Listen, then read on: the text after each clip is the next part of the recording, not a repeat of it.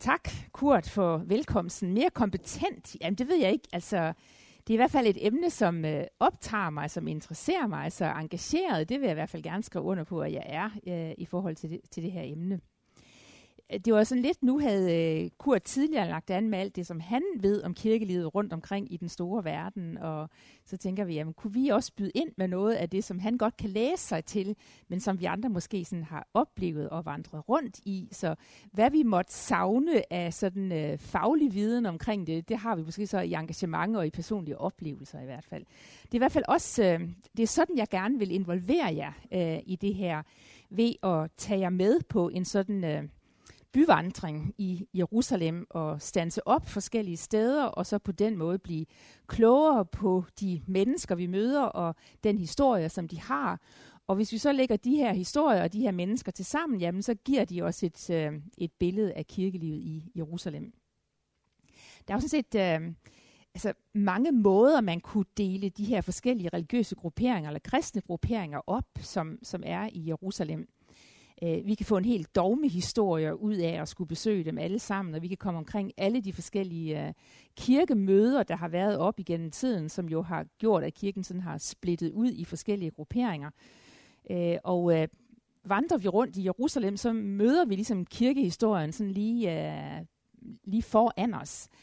Jeg har ofte sagt det på den her måde, at øh, altså sådan, I ved, sådan, sådan historiske årstal, sådan tavler, de starter som over 0, og så bevæger de sig sådan opad i de forskellige. I Jerusalem er det, som om man kunne lægge den her årstal tavle sådan fladt ned i landskabet, og sidde for at sige, vi går derhen, så kommer vi til år 1050. Hvis vi går derhen, så kommer vi til år 451. Og går vi derhen, så kommer vi til det, sådan så at, at den der årstidssøjle, eller øh, tidssøjle som sådan, den kan sådan lægges vandret ud i i, i bylandskabet i stedet for, og så kan vi af den vej komme til den. Og det er sådan en vandring, jeg øh, gerne vil tage jer med på. Jeg vil gøre det her sådan lidt øh, oversigtsmæssigt, øh, fordi jeg vil rigtig gerne komme hen til at snakke om den både religiøse og politiske gruppering, der også er i øh, Mellemøstens øh, kirkeliv i dag, når vi kommer til at tale om på den ene side messianske jøder, på den anden side kristne palæstinensere. To små grupper, men som jeg synes øh, siger noget ind i øh, vores situation, som vi kan lade os udfordre af, og som vi også kan måske øh, blive klogere på vores eget forhold til den aktuelle konflikt, som jo også er i, i Mellemøsten, og som Israel-Palæstina jo er en del af. Så velkommen til sådan en øh, byvandring i øh, Jerusalem. Øh, det her det er udsigten, jeg har lyst til at sige, fra den danske kirke i Jerusalem, men det lyder lidt, øh, lidt for flot. Altså, der findes ikke nogen dansk kirke-kirkebygning i Jerusalem, men der findes en dansk menighed. Og billedet her er taget fra toppen af det kirketårn, som er i den bygning, hvor vi, hvor vi holder til, når vi holder gudstjeneste i den tysk-lutherske eller evangelisk-lutherske kirke, som er der. Ofte, når man ser billeder af Jerusalem, så står man på Oliebjerget og kigger ned over byen, og her får I den så egentlig sådan 180 grader vendt rundt den anden vej, i stedet for, hvor Tempelplads ligger foran, og så Oliebjerget ligger, ligger bagved. Det første sted, jeg kunne øh, øh, ting. jeg havde prøvet, om jeg skulle lave det sådan med Google Maps, så vi havde sådan en fornemmelse af, at vi gik rundt i gadebilledet, men det blev så for avanceret for mig, så I må nøjes med sådan et, øh, et kort, hvor det er øh, kortet over den gamle by. Og når vi snakker kirkehistorie, mener, så kan vi stort set gøre det hele ved at blive inden for den gamle bys mure. Så det er altså cirka sådan en kvadratkilometer, vi bevæger os rundt på, og vi kan sådan blive i den en fjerdedel af den der kvadratkilometer. I vil kunne se, at jeg har prøvet at sætte en pil hver gang, vi går hen og besøger et andet kirkesamfund, men de ligger altså sådan stort set lige oven i hinanden. Og øh, ja, hvorfor har jeg valgt den her først? Øh, jeg har valgt, at vi skal gå hen til, øh, øh, til syrerne, af syrerne, eller syrerne, den syriske, de syriske kristne. Øh, de holder til sådan lige på bagsiden af det store armenske kvarter, øh, og deres kirkebygning, og det er måske derfor, vi har valgt dem, øh, de siger, den er bygget, og så kan de sådan gå ned i kælderen, og så vil de vise, hvor resterne af det hus var, som vi hører om i, jo, i Apostlenes Gerninger, kapitel 12. I kapitel 12, der er apostlene samlet. Peter er kommet i fængsel, og de sidder der og beder om ikke godt, han må komme fri af fængslet, og så banker han på døren. Og der er de så i Johannes Markus' hus, står der. Øh, moren til Johannes Markus, der holder de til. Og når man besøger syrerne i dag, så vil de sige, der ligger vores kirke, altså der, hvor den aller, aller første menighed i Jerusalem holdt til at der er andre, der også gør krav på at have kirken det samme sted, men det er i hvert fald deres øh, historie. Og den giver os jo et møde med, øh, med hele, den, øh, hele det kirkeliv, som vi hører en masse om i nyhederne i dag. For det er jo øh, den her kirke, der spreder sig mod nord, og som spreder sig ind østover, og faktisk når hele vejen til, øh, til Indien også. Øh, kender dem som Thomas kristne, altså kristne, som siger, at det var apostlen Thomas, øh, som, som nåede hele vejen over til dem. Øh, fyren her, øh, som, som er på billedet, er, øh, han hedder Fader Simon Abuna Simon. Han kommer egentlig fra den sydlige del af Tyrkiet på grænsen, altså der hvor, der hvor, øh, der hvor Syrien og Tyrkiet mødes. Øh, og han kommer fra en af de små landsbyer øh, i det område der, som stadigvæk benytter sig af aramaisk som deres, som deres modersmål. Så hans modersmål er altså aramaisk, det som var øh, talesprog på, på Jesu tid. Så man kan sige, hvordan har det lyttet, øh, da disciplene spørger Jesus, lær os at bede fadervor. Og så har han så bedt fadervor på dem. Jeg, jeg tænker ofte på den der situation, når jeg har været til deres aftengudstjeneste, som jeg gør en gang imellem, når jeg er i Jerusalem. Fordi jeg kan ikke forstå ret meget af deres sprog, men jeg kan forstå, når de kommer til fadervor, fordi der ligger hebraisk og aramaisk så tæt på hinanden, at man kan høre, øh, at nu er det fadervor, de beder, og så kan man godt nå, nå at følge med. Men det er altså øh, det er øh, Abuna Simons øh, modersmål. Og når vi i dag hører om øh, kristne fra øh, Irak, øh, Syrien og hele det, den forfølgelse af dem, så er det jo det er den her kirke, efterkommer fra den her kirke, blandt andet. Der er også evangeliske kristne i det område i dag, men øh, øh, det er dem, vi møder øh, her. De er et øh, lille samfund i øh, Jerusalem, og med den der historiesøjle, som vi kunne have delt dem op i, og så fortælle kirkehistorie på den måde der. Vi kan også, og det bliver de kirker, jeg kommer til at introducere jer for her i første omgang, vi kan også dele dem op i dem, som forstår sig selv som pilgrimskirker. Altså kristne, som er der, de hører egentlig til et andet sted, men de er kommet der som pilgrimme for at tage imod pilgrimme, når de kommer. Og det her er, det her er et rigtig godt eksempel for os på, hvordan, øh, altså, hvordan man i Jerusalem kan følge den der udvikling, hvordan evangeliet tillader sig at, at slå rødder i nye kulturer og finde øh, og gøre sig til ét med den der nye kultur. For de her første kirker, som I skal møde nu her, de vil alle sammen sige, at de startede i Jerusalem. At de startede i 30'erne, 40'erne, øh, og så rejste de altså ud i verden, de der steder, og så er de kommet tilbage som, som pilgrimme til det her sted. Og det kan I bare se, hvad der sker med evangeliet, når de tager en tur rundt i verden, og så kommer tilbage til åstedet igen. Pludselig ser det anderledes ud. Der er en anden liturgi, der er andre sprog, der er andre hvad skal man sige, accenter, som sættes andre steder, når, når, når historien den fortælles. Øh, for sådan nogen som, som, som de syriske kristne, øh, det er virkelig en, hvad skal man sige, en, en, en kirke, hvor menighedslivet betyder meget de har ikke sådan et kæmpestort hierarki og et kæmpestort præsteskab, men de er virkelig meget øh, små menigheder, øh, hvor lægfolket spiller en stor rolle til deres gudstjeneste. Øh, I det hellige land øh, finder vi dem både i Bethlehem og også i... Øh, øh, de er også i Jericho en lille smule, og ellers så er de i Jerusalem, og så ellers så skal vi op i øh, Syrien, Damas- derop mod Damaskus for, for at finde dem. Abuna Simon her. Det var den syriske kirke. Øh, hvis vi går så øh, øh, lidt længere hen mod gravkirken, øh, vi krydser David Street, den der store bazargade, som går og kommer hen omkring gravkirken og går sådan op ad en smøge, så kommer vi til den gade, som hedder Sankt Helena-gaden. Og øh, der skal vi en gang tilbage. Øh, der finder vi kopterne. Kopterne, som jo egentlig er et andet ord for Ægypter øh, de har også været en tur ude i den store verden. For dem så vil de sige, at de har været kristne siden apostlen Markus øh, kom til Alexandria, til det jødiske samfund, som er der, og prædikede evangeliet for dem, og siden da har de været et, et, et kristent samfund. Øh, Kop, der er egentlig et andet ord for, øh, for Ægypter, øh, og de fleste kristne i Ægypten, også selvom de ikke tilhører den ortodoxe koptiske kirke, vil tale om sig selv som, som kopter, altså ikke som for at skælde sig ud fra ikke at være muslim, øh, så vil man sige, at man er kopter, tilhører den koptiske kirke. I Jerusalem, der har de øh, der har deres præsteskole, de har deres seminarer, de har deres øh, sådan en lille samfund, øh, som er der, øh, tæller en øh, 400-500 øh, kristne stadigvæk i, i det her område. Øh, det, som skiller kopterne ud fra de andre, øh, det er deres historie i det område, øh, altså i, øh, i den nordlige del af Ægypten, hvor øh, altså kristenforfølgelsen indtil når til, at kristendom bliver en legitim religion, en lovlig religion, så, så er de udsat for forfølgelse. Og det gælder ikke mindst den koptiske kirke. Således at øh, hvis man kan kende syrerne på, at de stadigvæk taler aramaisk, så vil man kunne kende kopterne på, at de regner sig selv for den dag, hvor Diocletian, altså kejser Diocletian, han kom til magten. Det er omkring 280 stykker eller sådan noget. Og der starter endnu en rigtig svær periode med kristen forfølgelse.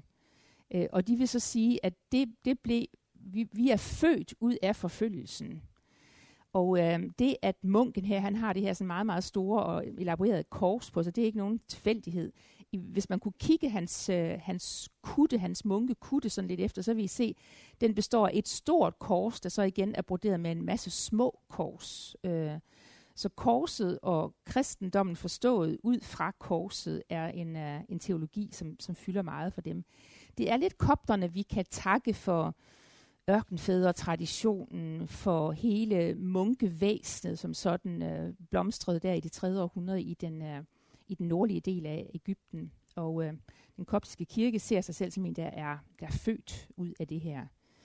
Så det var kopterne, øh, et af de kirkesamfund, vi kan møde i Jerusalem. Går vi så helt op på taget af gravkirken, så kommer vi til, øh, til etioperne. Og etioperne, de hører egentlig sammen med kopterne, altså forstået sådan, så at de rent sådan øh, organisatorisk, så har det været den koptiske kirke, der har udnævnt overhovedet for den etiopiske.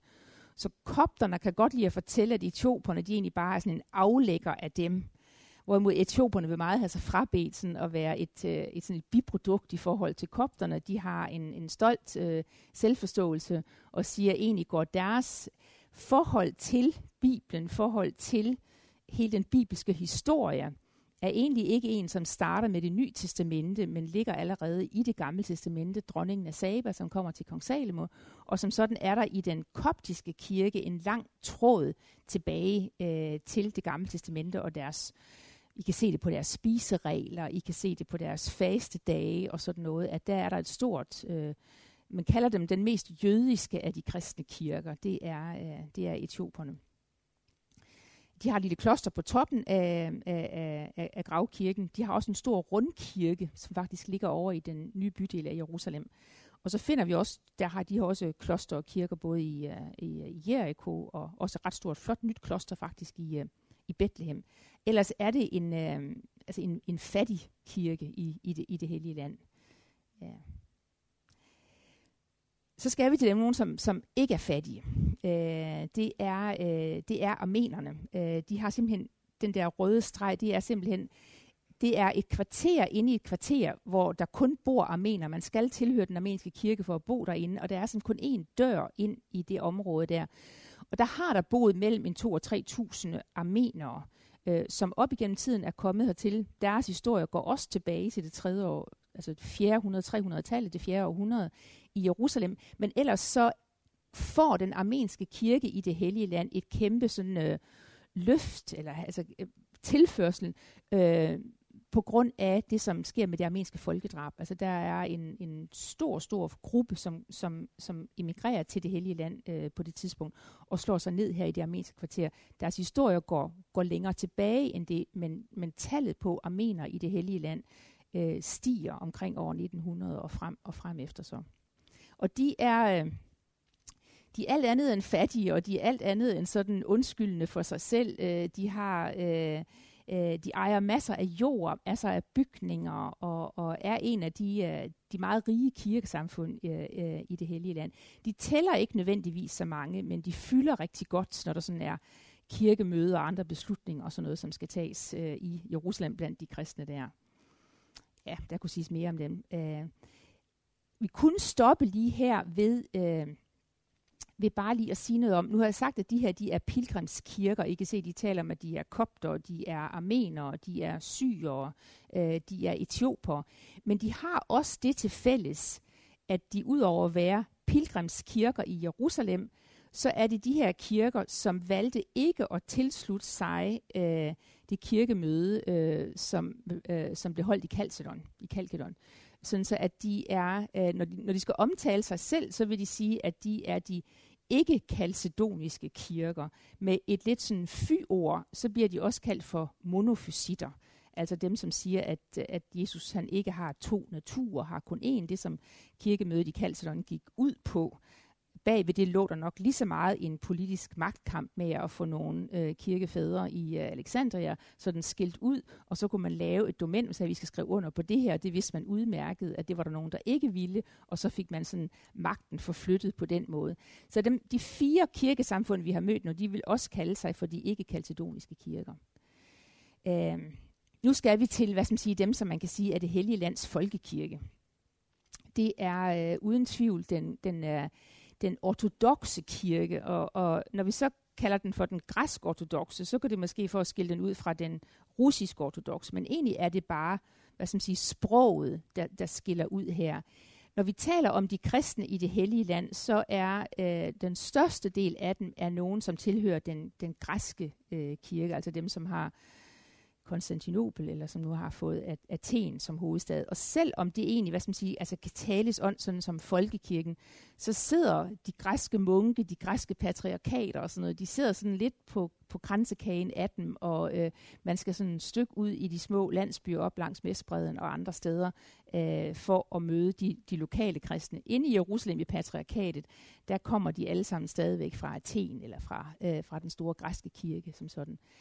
Øh, de har en meget, meget sådan øh, rig tradition i deres liturgi. Øh, øh, de har et fantastisk flot patriarkat. De langt der fleste af de der ørkenkloster, som stadigvæk ligger ude omkring Bethlehem og ned mod Judæas ørken også, øh, vil også være klostre, som er en del af den, af den græske øh, tradition.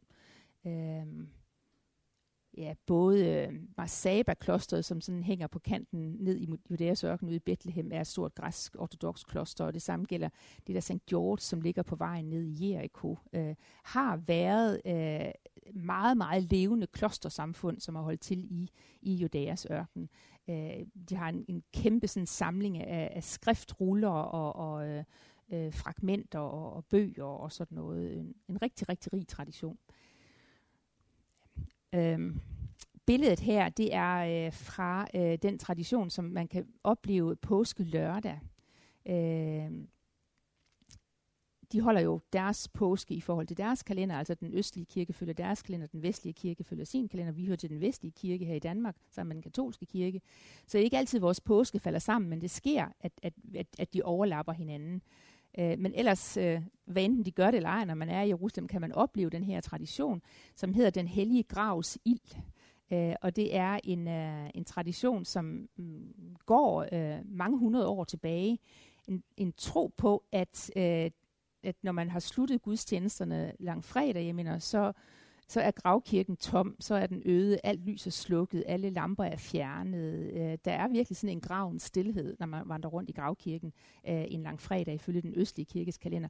Og så lørdag morgen kan man sådan opleve, hvordan øh, kristne pilgrimme, og det er ofte pilgrimme, som kommer fra Kypern, fra Grækenland og fra andre steder, øh, samles på pladsen foran gravkirken, inde i gravkirken, op på tagene ved siden af. Og der kan altså være op til en 10-12.000 mennesker, som sådan finder sammen sådan en, en, en, en lørdag øh, og venter på, at Gud han bekræfter påskens under og opstandelsen, venter på, at der bliver tændt ild i graven, der hvor det er slukket. Så patriarken han lukker sig inde, lader sig låse inde i graven og kommer ikke ud, øh, før han har kunnet sende noget ild. Der er sådan huller i det der store sarkofag, som er derinde. Og der står folk så ude på pladsen og venter på at få deres øh, sterinlys, som de har købt med sig for at få tændt dem ved ilden fra den hellige grav som bekræftelse på, på påskemorgen. Og det er øh, det, er det vi har ser der. Det her det er inde i kirken. Altså det er et mareridt for dem, der har noget som helst med sikkerhed at gøre, som vi kan forestille jer. Folk står sådan fuldstændig sådan tæt pakket øh, med sådan kæmpe bunter af lys, som skal tændes. Og alle er allermest optaget af at få tændt deres eget lys, og, og manden ved siden af der har skæg, eller konen ved siden af har langt hår, og når man sådan lige rækker det der ind igennem og sådan noget, det er virkelig hektisk, når det er sådan der. Men fra den der virkelig sådan stillhed, og folk bare står der og øh, sidder og venter og sådan noget, til det der, fuh, når så ilden og lyset og livet vender tilbage igen. En meget, meget, meget, meget speciel oplevelse. I kan se, at de har altså nogle store bunter. Man har nemlig 33 lys bundet sammen. Øh, man siger, at Jesus blev 33 år gammel, så der er et år, et lys for hver af det år, han har levet. Og ikke vi kan forestille jer sådan 33 lange væger, øh, hvor alle skal have tændt de her lys, og også skal have tændt nogen til naboen derhjemme og sådan noget der. Det er virkelig, øh, virker gale, Mathias. Men som Father Seraphim, som jeg snakkede med om, det siger han så, det er jo hellig ild, siger han, så det kan ikke ødelægge. Så øh, det må brandmyndighederne bare tro på os. Ja. Yeah. Øhm, vi skal gå en tur lidt øh, hen mod, øh, mod Newgate, øh, en af de øh, porte, som ikke er sådan særlig... Øh, øh, ikke særlig flot, øh, men den er lavet på det tidspunkt, hvor efterhånden så kunne den gamle by i Jerusalem ikke holde til mere. Altså der var simpelthen ikke plads til mere. Og så lavede man altså et hul i porten for at få plads til pilgrims herberger udenfor også. Og det er lige der omkring, vi møder den, øh, den romersk-katolske kirke. Den er egentlig, når vi sådan ser på det hellige land, så er den egentlig også en pilgrimskirke, forstået sådan. Den er, den er egentlig, består egentlig først og fremmest af folk, som er kommet fra Europa, og som har slået sig ned der, og er kommet der, fordi det her, det er det hellige land. Efterhånden, så er det sådan, at rigtig mange af de lokale også nu er blevet katolikker. Og det har noget at gøre med, at man er skiftet fra et øh, kirkesamfund, som havde færre ressourcer til et, som havde noget flere bedre skoler, bedre hospitaler og, og andet sådan der. Så efterhånden er der, er, øh, er der en meget, meget stor del af den lokale befolkning også nu, som tilhører den katolske kirke. Der er også kommet katolske, hvad skal man sige, aflæggere af, øh, af de andre øh, der er den armensk-katolske kirke også, altså nogen, som stadigvæk holder fast i sprog og liturgi, men som ser øh, paven i Rom som, som sit overhoved. Uh, jeg vil ikke være med at tage det her billede med. Øh, det er dem jo, der har sådan hele pilgrimstraditionen, når man rejser rundt i det hellige land øh, som pilgrim, turist, hvad I nu er, når I, når I kommer dertil, så vil I se, at langt, langt de fleste af de hellige steder, man sådan kommer til, fordi de fortæller bibelhistorier, vil tilhøre den romersk-katolske kirke, og vil tilhøre den orden inden for den romersk-katolske, som hedder franciskanerne. Øh, fordi franciskanerne fik i det 14. århundrede, øh, og senere hen også, øh, fik lov til at etablere sig i det hellige land der var nogle af de stedlige magter, der havde brug for deres penge og deres viden. Det kunne man så hvad skal man sige, sælge aflad for at sige, jamen så får I lov til at bygge kirker og bygge kloster og sådan noget. Og I vil kunne se det der flag, som ligesom er det der Jerusalems flag, eller Jerusalems kors, et kors, der sådan er delt i fire, og sådan fire sådan små kors på, som man kalder Jerusalems korset. Det er egentlig franciskanernes øh, banner, og, og rigtig mange af de der helligsteder, det er der katolikkerne holder stille. Og det har at gøre med, at op igennem historien, så har den katolske kirke fra Europa har haft penge og magt og indflydelse, som gjorde, at man har kunne sætte sig på de der hellige gravsteder. Så de er altså øh, de er vogterne af, øh, af helligstederne, the custodian of the Holy Land, øh, øh, som de hedder. Det er dem, der står for langfredagspositionen. Det er dem, der har Gethsemane have. Det er dem, der har kirkerne ned over Oliebjerget osv. Øh, det var den, øh, den, den, øh, den foranværende pave, som var på besøg ved Grædemuren. Og vi har jo en pave, øh, en katolsk pave nu her, som, som kan lide at blande religion og politik, og i hvert fald prøve grænserne af i forhold til det der. Så han nøjes ikke med at gå ned til grædemuren for at, at bede en bøn. Han valgte også at stanse, da han kom til muren mellem Israel og Palæstina, øh, og, og bad om at komme ud af sin pavemobil der og få lov til at, at bede ved muren, hvilket selvfølgelig i den nuværende situation skabte meget, meget diskussion. Hvad var det for et politisk statement, som den katolske pave lavede i forhold til det palæstinensiske folk og det palæstinensiske selvstyre? Han skyndte sig så dagen efter også at besøge Theodor Herzl, altså sionismens grundlægger, øh, besøge hans grav i Vestjerusalem, og så var der ligesom sådan skabt lidt balance i, uh, i systemet igen her. Så. Det er den katolske kirke hvis vi sådan skulle dele op, så de, de, de, de små kirkesamfund, som jeg fortalte om til at starte med, det er virkelig små pilgrimsamfund, som måske har en mellem 1000 og 2000 medlemmer over det hele i det hellige land hver. Øh, man siger i dag, at der vil være omkring en, en 150.000 kristne i Israel i det hellige land. Og der skal vi nok sådan dele, sådan, lade grækerne få 60 procent, og katolikkerne få 40 procent, eller sådan noget. Sådan cirka øh, gøres det ud. Så I kan godt se, at øh, øh, når vi kommer til sådan nogen som os, og nu skal vi altså tilbage der til, hvor billedet er taget, det indledningsbillede, som det var, så kommer vi til den protestantiske kirke. Øh, det er et øh, øh, kirketårnet, som I kan se der, det er øh, derfra billedet, det første billede var taget, og øh, billedet indenfra her, det er der, hvor øh, vi som danskere øh, holder vores gudstjeneste i Jerusalem. Vi leger os ind, han har sagt, vi er der på, øh, på tyskernes nåde, og Guds nåde lidt også nok, øh, men det er en, øh, en Luthers kirke, øh, som egentlig stadigvæk tilhører et øh, tilhører Tyskland. Øh, den er øh, bygget for godt 120 år siden, knap 120 år siden, Øh, og der vil hele tiden være den her diskussion, skal det være en lokal kirke, skal man aflevere den til den lokale menighed? Øh, indtil nu så sidder tyskerne på magten øh, over den her og har den kirke, og det er måske meget godt for os, som sådan kommer på besøg, at vi kan være der også. Kommer lidt tilbage øh, øh, altså til de her kirker, men vi er nu kommet derop i historien, hvor vi... Øh, hvor hele interessen for Mellemøsten øh, er både er, er, er politiske, men også er religiøse, og de to ting hænger rigtig godt sammen, øh, bliver blandet. Øh, så vi er kommet op der i øh, starten af det øh, af 1800-tallet, altså det 19. århundrede, øh, hvor interessen for at komme til det her område vågner i Europa. Det gør den både i form af mission, men det gør den altså også i form af filantropi, og det er i det hele taget at, at etablere sig, og de ting går godt hånd i ånd.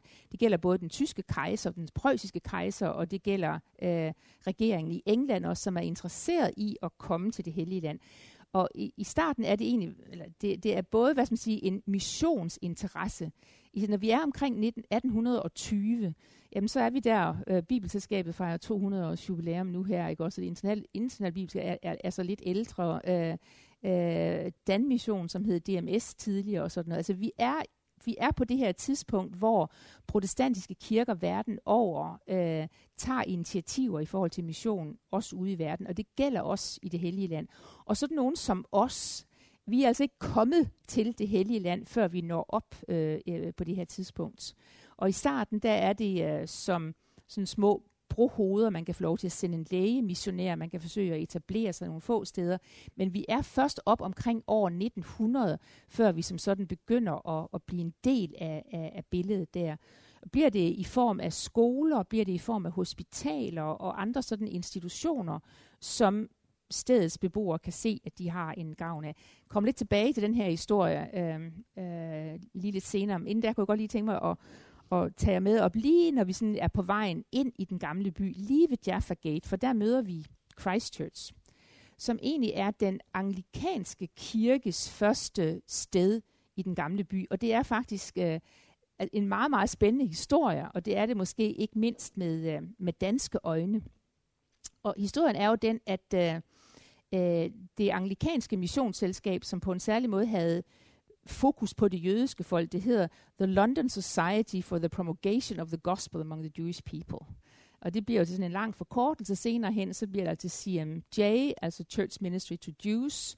Øh, og de kommer til, og det hedder så Levanten på det tidspunkt, ikke også, for mener, øh, øh, I skal regne med, at det hellige land, når vi er her omkring år 1820, 1830 eller sådan noget, så sidder den politiske magt stadigvæk op i Konstantinopel, øh, og det er det, det store osmaniske rige, det store tyrkiske rige. Og apropos det der med øh, et øh, kalifat og, og finde tilbage til sine storhedstider, som ISIS taler om i dag og sådan noget, så, så havde de jo det på et tidspunkt derfra omkring 1540 og så, og så videre fremad.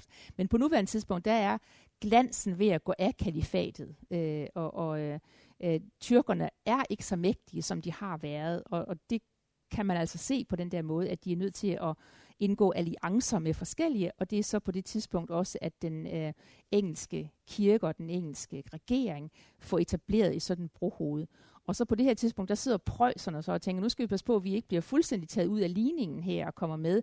Og så laver man faktisk sådan et kombineret anglikansk prøjsisk eller engelsk prøjsisk bispedømme i Jerusalem, som står bag blandt andet øh, øh, bygningen af, øh, af Christchurch, som jeg har. Det vil sige, det er først, da egentlig, at kirken er bygget, man, man, man sådan som sådan kommer til magten. Historien med Christchurch er den, at øh, øh, Ægypterne øh, har på et tidspunkt fået skubbet tyrkerne så langt øh, nordpå, at der er en, øh, øh, at der er en, en, en general, øh, øh, altså en, en egyptisk general, som formår at etablere sig i Jerusalem og i det hellige land.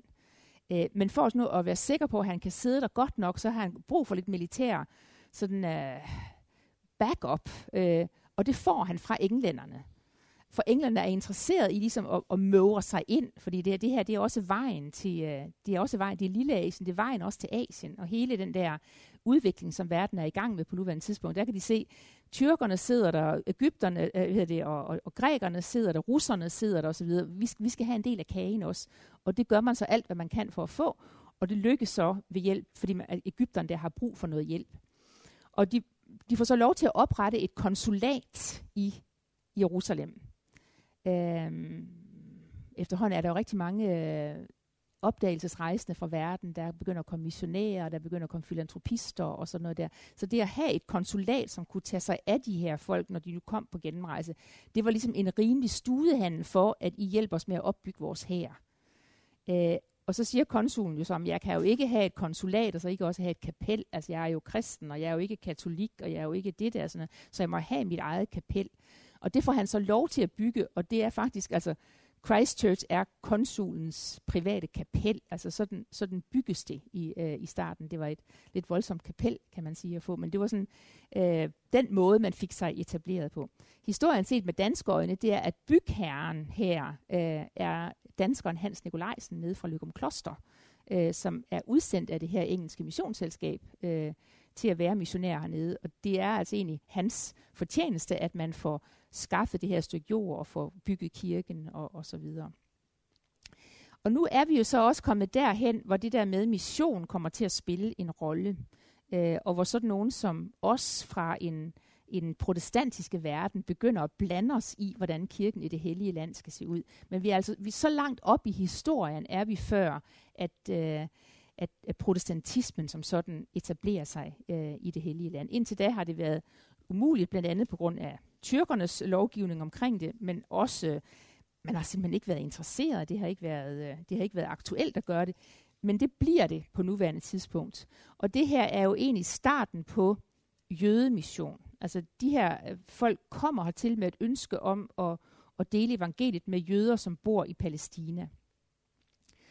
Og når man sådan læser deres beretninger, øh, så er de, øh, men, altså, de siger, hvad kan det være, at jøderne har, øh, har vendt sig mod det kristne evangelium? Hvorfor er jøderne ikke kommet til tro?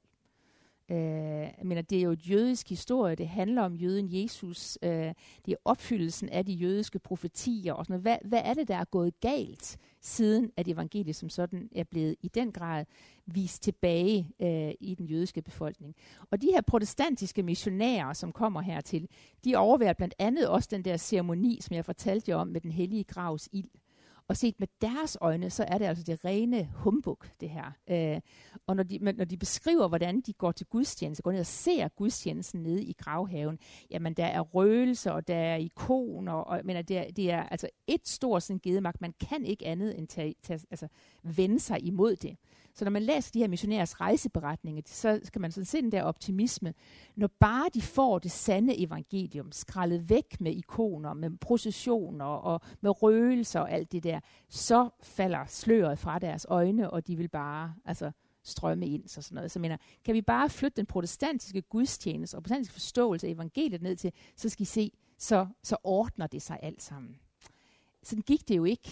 Øh, og så kan man se, hvordan, jamen så bliver det næste så, at man siger, jamen kan vi så måske øh, øh, nå muslimerne så i stedet for? Og faktisk er der øh, en, øh, en svejsisk missionær, som har været missionær i, øh, i Ægypten øh, og i, øh, altså i, i Etiopien også, som, som kommer op, øh, Gobat øh, hedder han, og som, som egentlig sådan, altså skifter lidt øh, spor, og siger, vi skal ikke kun fokusere på at nå jøderne, vi skal også fokusere på at nå muslimerne. Øh, det lykkes desværre heller ikke så godt. Og det, som den protestantiske kirke så oplever, at hvor den finder sin vækst, altså hvor, hvor der er mennesker, som kommer og slutter sig til de protestantiske kirkesamfund, som bliver etableret der i 1840'erne, 50'erne og, og, og så derefter. De fleste af de medlemmer er medlemmer, som kommer fra den ortodoxe, græsk-ortodoxe kirke, og som så, hvad skal man sige, vælger at blive kristen på en anden måde, kan man sige. Og det her skal man forstå, for at forstå noget af den, øh, altså det clash, som stadigvæk kan opleves mellem den ortodoxe, hvad skal man sige, folkekirken dernede, og så sådan nogen som os. For vi bliver set som nogen, der kommer og fisker i deres dam, øh, som nogen, der gør et stykke arbejde, men de gør det ved at tage medlemmer fra vores kirkesamfund, og så, og så flytte dem herover. Så I kan godt forstå, at der bliver et clash mellem de der kirkesamfund, på grund af det her også. Så det var sådan lidt øh, et hurtigt vy op igennem, øh, op igennem kirkehistorien. Lige nogle tal. Som sagt, hvis vi, øh, hvis vi taler om antal af kristne i Israel-Palæstina, øh, og i, øh, i Israel i dag bor der en, øh, en godt øh, 8 millioner mennesker. En cirka 1,2 sådan noget i den stil af dem af, af de som bor i altså i staten Israel. Nu taler vi om staten i modsætning til Vestbreden. Øh, det som er staten Israel i dag, der er, er der en godt 8 millioner mennesker. Der er øh, cirka 1 million af dem er egentlig altså muslimer øh, altså araber, palæstinenser, hvad vi nu vil kalde dem i det område, som altid har boet i staten Israel. Så af jøder er der en, øh, en godt, øh, eller lige der omkring 7 millioner mennesker øh, i Israel. Så den muslimske befolkning er altså op på godt 1,2 millioner. Øh, den jødiske befolkning er på omkring 7, sådan noget cirka. Og den kristne tæller altså ikke mere end 150.000, og det er, når vi tæller dem alle sammen med. Altså det gælder pilgrimskirkerne, det gælder den katolske kirke, det gælder den ortodoxe kirke, det gælder alle de protestantiske, de evangelikale kristne og sådan noget. Alt det der er slået sammen, så kommer vi ikke op på en mere end en 150.000 kristne i dag. Det er et tal, som er faldet, men det er også et tal, som procentvis er blevet meget mindre. Altså dels så er der kristne, som er flyttet fra området, og vi kan sådan godt tage, altså tage, tage Vestbreden med her. Vestbreden bor der en, en, en mellem 4 og 5 millioner øh, mennesker i det hele. Øh, kun omkring 50.000 af dem er kristne. Øh, og en, altså, altså mener, Gaza er jo minimal, der bor øh, vel halvanden million mennesker i Gaza nu efterhånden. Øh, og der er altså et par tusinde af dem, som tilhører den de fleste tilhører den ortodoxe kirke. Der er en lille bitte baptistmenighed, som, som holder til i Gaza også. Men bare uanset hvordan vi vender de her tal, og uanset hvad vi sådan vil forklare, hvordan udviklingen er kommet og sådan noget, så når vi til det, at de kristne i det hellige land, de er et de er et mindretal, og de er et mindretal, som bliver mindre både antalsmæssigt, men også procentvis i forhold til de andre. Øh, det gør de blandt andet, fordi øh, de er ofte dem, der har den bedste uddannelse og de bedste hvad skal man sige, forbindelser udenfor. Så når hverdagen bliver svær, når krig bliver for meget, når muligheden for uddannelse, muligheden for at etablere sig og sådan noget forsvinder, så har, øh, altså, så har de kristne, øh, men det, det, det er kun 10 procent af det hellige lands kristne befolkning, der bor i det hellige land.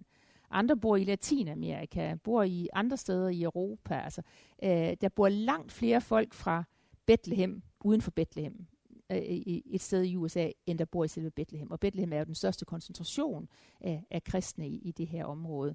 Så det er virkelig en, en, en, en befolkningsgruppe, som er øh,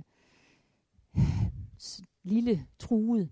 Jeg ved ikke, om nogen af jer har læst Claus Vivils bog, øh, Den sidste nadver. Øh, men han, han, den, han, den starter jo faktisk i det hellige land. Øh, øh, kommer så rundt i Syrien, kommer til Irak, kommer til Bagdad og sådan noget også. Han fortæller. Men han starter jo faktisk med nogle interview med den lutherske præst i Bethlehem, Metri Rahib, øh, nogle af jer kan have stødt på hans navn. Han har egentlig fået sådan lidt guru-status øh, i Danmark og i Tyskland. En meget, meget øh, sådan entreprenøragtig, dygtig præst, Luthers præst, øh, øh, som, som er i Bethlehem. Men øh, Claus Vivild starter sin bog med et interview med, med Metri, øh, og spørger, altså, mener, hvordan er det at være kristen i det, i det hellige land? Hvordan er det at være kristen i det her? Og, og Metris svar ligesom siger, men det er ikke noget problem. Vi har i 1500 år levet side om side med vores muslimske naboer. Det er gået godt. Nej, vores problem, siger han så, det er, det er besættelsen, det, det er Israel, og så kommer sådan hele sådan skylden derover. Så. Når man krasser lidt i overfladen blandt de kristne på Vestbreden, og også i Jerusalem og andre steder, så vil man opleve, at den der, øh, Øh, det der øget pres, der er fra den islamiske verden, øh, det bestemt også kan mærkes der. Øh, det er ikke en sådan åben forfølgelse af kristne i det hellige land, men det er sådan en til stadighed øh, mere og mere sådan chikanering. Øh, øh, pladsen bliver mindre og mindre at bevæge sig på, og folk siger, jeg orker det ikke mere, og så, og så immigrerer. Så immigration er en ting. En anden ting er, at kristne øh, har et andet forhold til, hvor mange børn man skal have, end muslimske familier har. Så bare på den måde også, så vokser de andre mere, og på den måde bliver procentvisen jo så. Altså demografisk er de, øh, er de for nedadgående også. Øh, det gælder også i, øh, altså også i selve Israel, hvor muslimer også der ikke får så mange børn, som de gør på Vestbred, men stadigvæk, men hvor så til gengæld den jødiske befolkning, og ikke mindst den ortodoxe jødiske befolkning, vokser eksplosivt, fordi der er det ikke usædvanligt, at man har 8, 10, 12 børn i sådan nogle familier. Og når kristne familier så måske kun har to børn, øh, altså så er det klart, så forskyder det sig rigtig, rigtig meget også.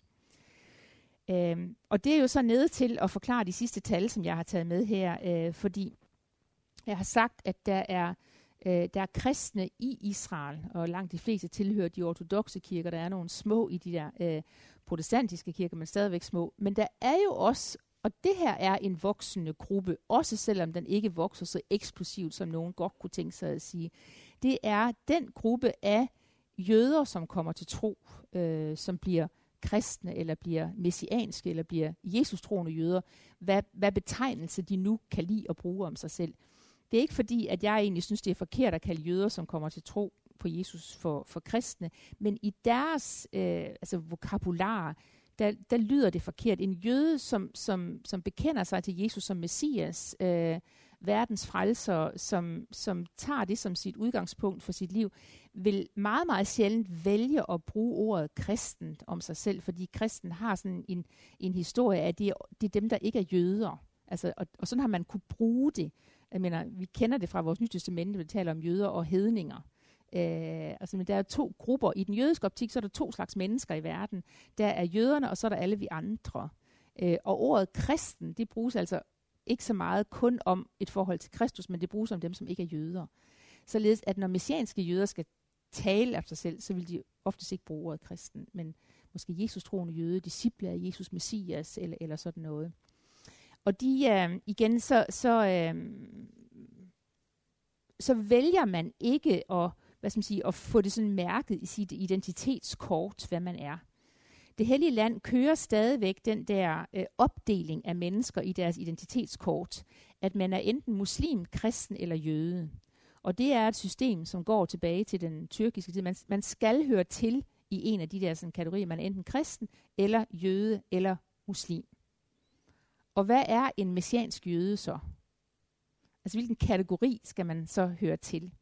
Og der vælger de så altså, hvad skal man sige, at høre i, sådan, i jødekategorien, også selvom de bekender sig som, som kristne. Og ikke ud fra, at det er farligt at gøre noget andet eller sådan noget, men det er hele den der kristne historie, som, som ringer med, og som gør, at man, at man vælger noget, noget andet end det. Jeg sagde, at der bor omkring øh, godt 8 millioner mennesker i Israel. Af de 8 millioner kan man så trække den første 1,2 millioner fra og sige, det er øh, araber, palæstinenser, israeler, araber, hvad vi nu kalder dem. Øh, og så øh, har vi så nede på der sådan en, en 7, 7, 7 millioner mennesker eller sådan noget. Så I kan se, jeg tror 8.000 er på ingen måde et for lille tal på, hvor mange messianske jøder der er. Måske er det endda et optimistisk tal. Øh, men så kan I godt se, at hvis den palæstinensiske kristne befolkning er et mindre tal, så er den messianske befolkning i allerhøjeste grad også et mindretal. Altså vi, vi taler om 1-2 promille af den jødiske befolkning, som bekender sig som kristne. Øh, så man kan sige, øh, de er, øh, de er, hvis man siger, der er omkring 1-2 procent af den arabiske befolkning, palæstinensiske befolkning, som er kristen, så altså er, når vi snakker om jøder, som er bekender sig til Jesus, så snakker vi altså kun om 1-2 promille øh, i stedet for. Så det, så det er virkelig et, øh, et mindretal. Og det er jo et mindretal, som, øh, som øh, altså har det svært med, hvor er det lige, man skal, man skal placere sig selv i forhold til. Er man, er man mest beslægtet med dem, som man bekender tro sammen med? Er man mest beslægtet sammen med dem, som man har en fælles historie med? Er man mest beslægtet med dem, som man mener politisk observant omkring, hvad der sker i Mellemøsten? Men hvilken gruppe skal man placere sig i? Så det er ikke så, det er ikke så enkelt øh, øh, at, at få det her øh, ens egen historie, ens egen identitet øh, op at stå, men heller ikke at få en fornemmelse af, hvad er det for et kristent samfund, vi har øh, i fællesskab. Er I lyst til at, at gå til de her, og så kan vi måske tage en... Øh, ej, vi tager lige øh, to slides mere. Øhm, se, den lutherske og den anglikanske kirke, øh, det er dem, der sådan er øh, starten på den protestantiske kirkes historie i det hellige land. Og vi er som sagt op omkring, øh, jamen det starter der omkring 1820, det tager sådan virkelig fart 1840, 60 og så videre frem efter. Øh, og på et tidspunkt har man som sagt, øh, man kunne måske også have sagt, så det kunne selvfølgelig ikke gå i ret lang tid, at prøjserne og englænderne blev enige om at have sådan et fælles enterprise i, øh, i det hellige land, og simpelthen sådan så, at man sagde, at øh, øh, jamen det er først jeres tur til at vælge biskopper, og så, det, bag, så er det vores tur til at vælge biskopper. Og egentlig så var ideen den der med, at man skulle have sådan et, et delt øh, bispedømme. Øh, I første omgang så hed biskoppen, han hed Solomon Alexander, var egentlig en konverteret jøde fra, øh, øh, fra Østeuropa, øh, som blev sendt ud af den anglikanske kirke. Øh, den næste, han blev så Gobat, en preussisk missionær, Schweizer egentlig, som havde arbejdet i, øh, i Etiopien, og som, som kom og, og blev leder af derefter. Og, og, og så holdt festen op. Altså så nåede man ikke længere i det der, og bestemte sig for at gå, at gå hver for sig.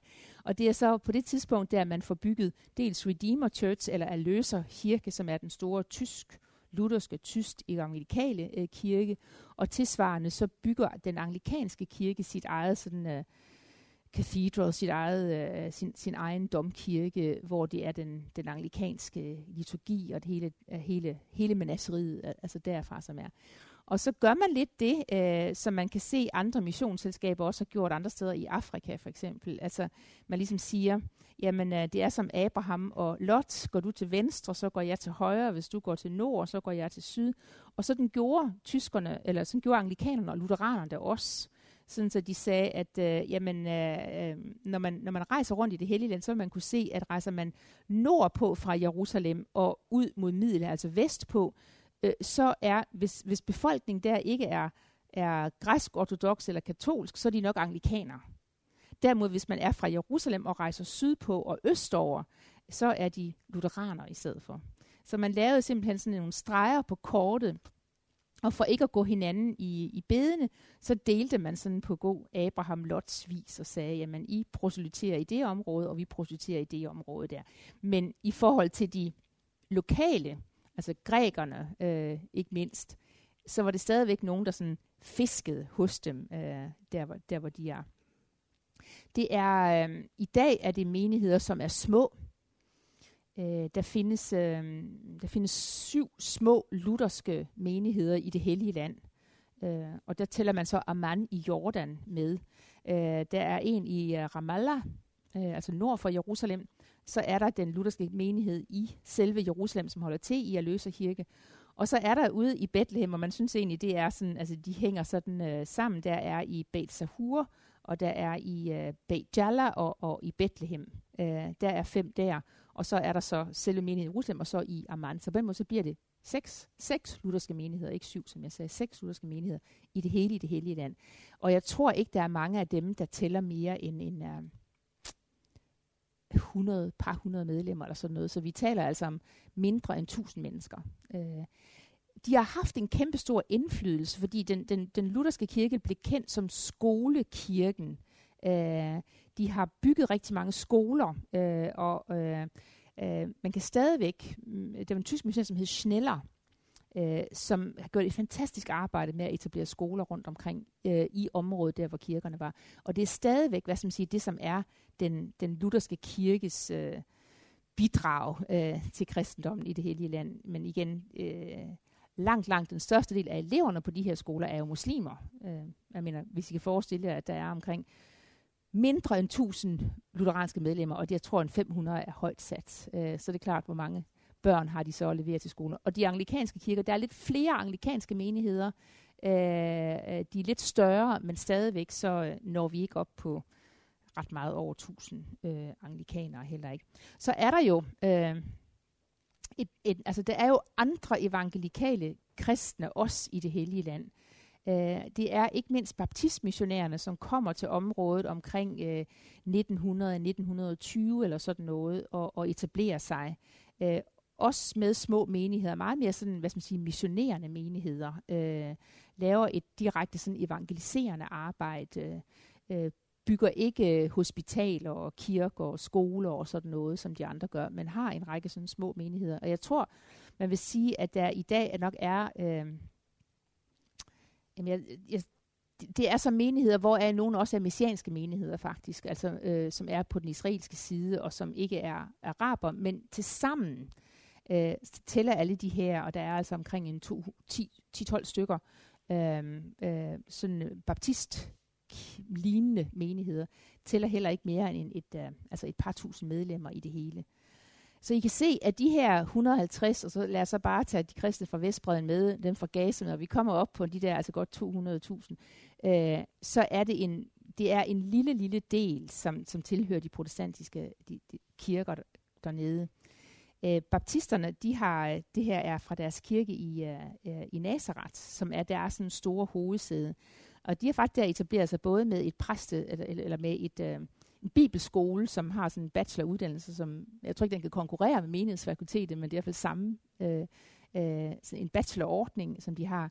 Og de har nok øh, en af de øh, allerbedste skoler i Israel faktisk. Altså hver gang man sådan scorer, hvilken skole er den bedste, så kommer baptisternes skole i Nazareth altid rigtig, rigtig højt op på, op på listen.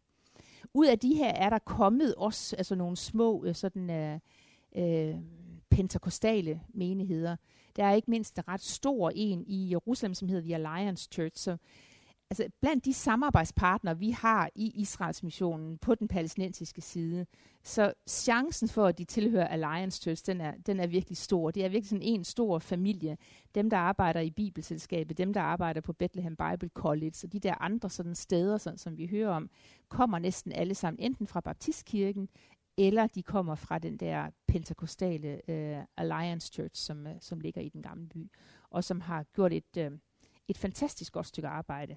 Og det er også dem for lige at tage den aller, aller sidste tråd med, når vi taler om kristne i Mellemøsten, øh, så skal vi faktisk også til at tale om en gruppe af muslimer, som er konverteret til, til kristendom.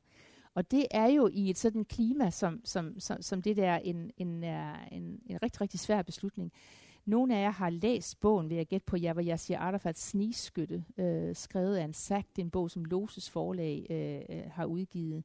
Øh, og Sack, øh, nu har han så øh, øh, levet mest af sit hvad skal man sige, kristne liv i USA, har været, det, har været nemmere at gøre det. Men han er faktisk kommet tilbage til Jericho, og han er jo en muslim, som er, som er kommet til tro. Der var en, der var i, øh, slutningen af 90'erne og i starten af nullerne, øh, var der virkelig sådan en vækkelse blandt muslimer på Vestbreden. Øh, og det, man gik af gode grunde jo meget sådan tyst-tyst med det. Øh, det var ikke nogen af de der ellers, øh, mener, alle har lyst til at fortælle sin succeshistorie, men det var en historie, som egentlig ikke kunne fortælle, fordi det ville udsætte dem, som det, som det handler om for far. Øh, men, men der har været af, af, af en, en sådan øh, husmenigheder, som kendte om hinanden, som mødtes og sådan noget, øh, har øh, muslimer på Vestbreden, som er kommet til nok øh, talt mellem 200 og 300 øh, Muslim background believers alligevel. Desværre så, øh, så er der øh, sket noget af det, som er så rigtig, rigtig ærgerligt øh, i, i sådan en sammenhæng. Øh, så øh, de er meget, meget fragmenteret i dag, desværre. Øh, kender en del af det, men øh, de er indbyrdes blevet uenige, de er blevet ind, uenige med dem, som var med til at starte det og sådan noget. Og det, som vi skal forstå, når det her det er, at bekende sig som kristen, når man kommer fra en muslims baggrund på Vestbreden, det gør man kun med livet som indsats. Altså, øh, det er, øh, vi er inde på æresdrab og, og, og, og sådan nogle ting her. Så, så de muslimer, som, som har taget det her skridt, det gør det ofte uden at træde frem. Øh, vi har et, øh, øh, et, et arbejde i Jericho sammen med det palæstinensiske bibelselskab, og hende kvinden, som kommer og underviser der, Sahar hedder hun, hun kommer op fra Biat Said Universitetet uden for Ramallah, øh, er en rigtig, rigtig dygtig pige. Øh, både hende og hendes mand ved vi om, er muslimer, som er kommet til tro, og de har valgt også at blive døbt, men de har valgt ikke at stå frem. Og, og hun siger, jeg tror egentlig godt, min familie ved, at, ved om det, men de lader som om, de ikke ved det, fordi så er de også fri for at forholde sig til det. For hun siger, egentlig så skulle de, hvis det var sådan, at det, at det blev sådan åbenlyst, at, øh, at vi er kommet til tro, så skulle vores børn tage os fra os. Altså så burde familien gøre det, og sige, så, så kan I ikke få lov til at opdrage jeres børn, så, så tager vi dem øh, og gør sådan her. Så Sacha, når hun, når hun kommer, hun kommer stadigvæk, som om hun er ret troende muslim med tørklæde og øh, kjolen og, øh, og det hele og sådan noget. Og øh, indenfor kan hun til dels tage den af. Øh, nu er der kommet en del muslimske børn eller piger også i det her hus, så nu vælger hun faktisk at gå klædt som muslim hele tiden, simpelthen af, af frygt for, hvad, hvad der måtte ske. Øh, og desværre så, så ved ikke, om I kan forstå det her med, at kristne, som har levet hele deres liv i den der spænding mellem at være et mindretal, og hele tiden tænker, jamen jeg kan kun bevæge mig sådan og sådan her, for ellers så, så, så bliver jeg begrænset af muslimerne. Når de så møder nogle af deres muslimer, som kommer til tro, så sidder de hele tiden der fornemmelse, jamen er de bare stikkere? Er de sådan en form for informants, der er kommet nu her for lure? Kan vi nu også være sikre på, at deres tro er, er reel? Hvis den er reel, hvorfor siger de det ikke? Hvorfor står de så ikke frem? Og muslimerne siger, ikke klar, hvis vi står frem, jamen så mister vi alt.